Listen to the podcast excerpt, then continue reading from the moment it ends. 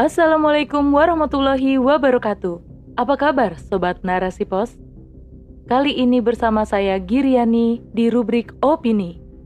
Narasipos.com Cerdas dalam literasi media, bijak menangkap peristiwa kunci.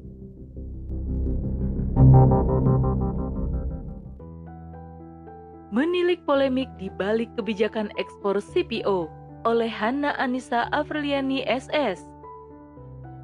Persoalan minyak goreng tampaknya belum redup dari pemberitaan.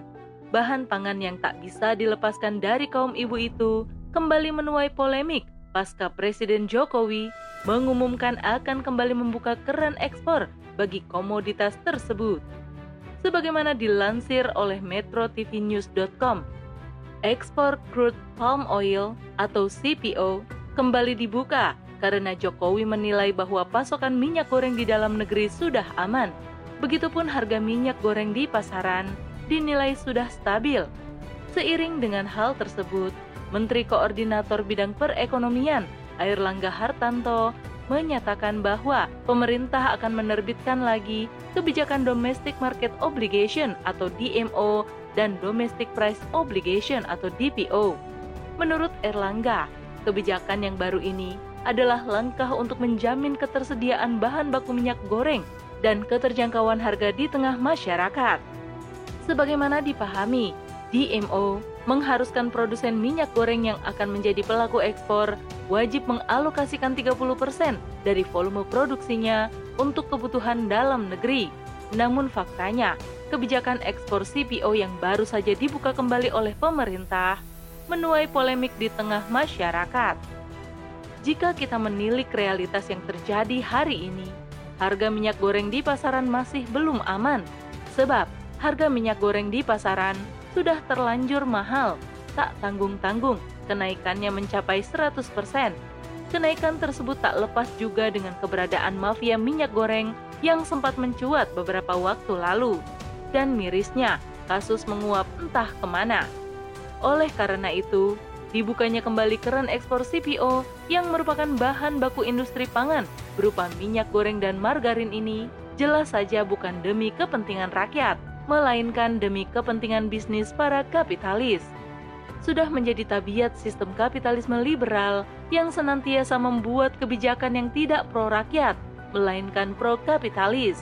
Hal tersebut terbukti dengan tidak adanya penguasaan pemerintah atas hajat hidup masyarakat. Sebagaimana diketahui bahwa penguasaan lahan kelapa sawit sebesar 58% di negeri ini dikuasai oleh swasta dan hanya 4% dimiliki oleh BUMN. Demikianlah bukti bahwa dalam sistem kapitalisme hari ini, negara bukanlah satu-satunya penyedia jasa dan layanan atas rakyatnya. Sebaliknya, negara membuka lebar-lebar gerbang bagi swasta untuk bermain di dalamnya. Jika sudah begitu, tentu saja profit orientedlah yang menjadi tujuannya. Wajar jika kemudian harga bahan kebutuhan pokok masyarakat di pasaran rentan mengalami lonjakan, sebab ada bisnis yang dimainkan. Kian nyata betapa sistem kapitalisme memosisikan rakyat sebagai pembeli, sementara negara sebagai penjualnya. Dalam sistem Islam, yakni di bawah naungan khilafah, aktivitas ekspor-impor adalah sesuatu yang dimungkinkan terjadi namun, yang menjadi beda dengan sistem kapitalisme hari ini adalah khilafah tidak melakukan ekspor atas komoditas yang keberadaannya masih sangat dibutuhkan oleh rakyat. Bahkan ketersediaannya di dalam negeri sedikit. Khilafah akan lebih memprioritaskan kepentingan rakyat di dalam negeri ketimbang melakukan ekspor ke luar negeri. Sebab khilafah tidak berorientasi pada profit seperti halnya kapitalisme. Prinsip pelayanan yang digenggam oleh khilafah menjadikannya tidak tunduk pada kepentingan materi duniawi, apalagi menghamba pada para korporat.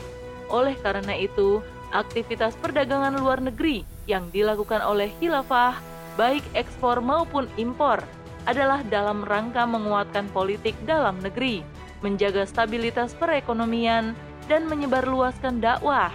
Maka, dalam praktiknya, ekspor yang dilakukan oleh khilafah ke luar negeri terikat dengan ketentuan sebagai berikut. Pertama, warga negara khilafah, baik muslim maupun kafir zimi, tidak boleh melakukan ekspor persenjataan, sistem komunikasi, dan alat-alat berat ke luar negeri jika nantinya komoditas tersebut digunakan untuk memerangi khilafah. Namun, untuk komoditas lainnya seperti pakaian, makanan, perabotan, dan lain-lain, negara boleh menjualnya ke luar negeri dengan syarat ketersediaan di dalam negeri benar-benar aman dan tidak mengganggu stabilitas ekonomi di dalam negeri. Kedua, Khilafah mengharumkan secara mutlak aktivitas ekspor kepada negara kafir harbi fi'lan, yakni negara yang secara terang-terangan memusuhi Islam dan memerangi khilafah. Demikianlah ketentuan yang menjadi pijakan bagi kebijakan ekspor yang dilakukan khilafah, sehingga sangat jelas bahwa perdagangan luar negeri khilafah tidak sekedar bertujuan ekonomi, namun juga politik dan dakwah. Tidak hanya itu, khilafah menerapkan proteksi atas perdagangan luar negerinya, yakni dalam rangka meneguhkan kedudukan politiknya di mata negara lain serta menjaga kedaulatan dalam negeri. Adapun bentuk proteksi yang dilakukan khilafah adalah dengan menerapkan sistem kesetaraan pungutan terhadap komoditas yang masuk ke negara khilafah. Misalnya, negara kafir menetapkan bea 10% atas komoditas kaum muslimin yang masuk ke negara mereka. Maka, khilafah pun akan menarik 10% atas komoditas mereka yang masuk ke negara khilafah. Dengan begitu, khilafah memiliki bargaining position di mata negara lain. Hal ini sangat berbeda dengan sistem kapitalis hari ini. Indonesia seolah tak memiliki kedaulatan karena tunduk pada aturan negara-negara kafir barat yang notabene-nya sebagai negara maju. Walhasil, segala kebijakan pun akan mudah didikte berdasarkan kepentingan mereka. Oleh karena itu, polemik ekspor takkan terjadi jika negara bernaung di bawah payung sistem Islam yang agung. Sebab Islam telah memiliki seperangkat aturan yang mampu menegakkan keadilan dan kesejahteraan bagi masyarakat.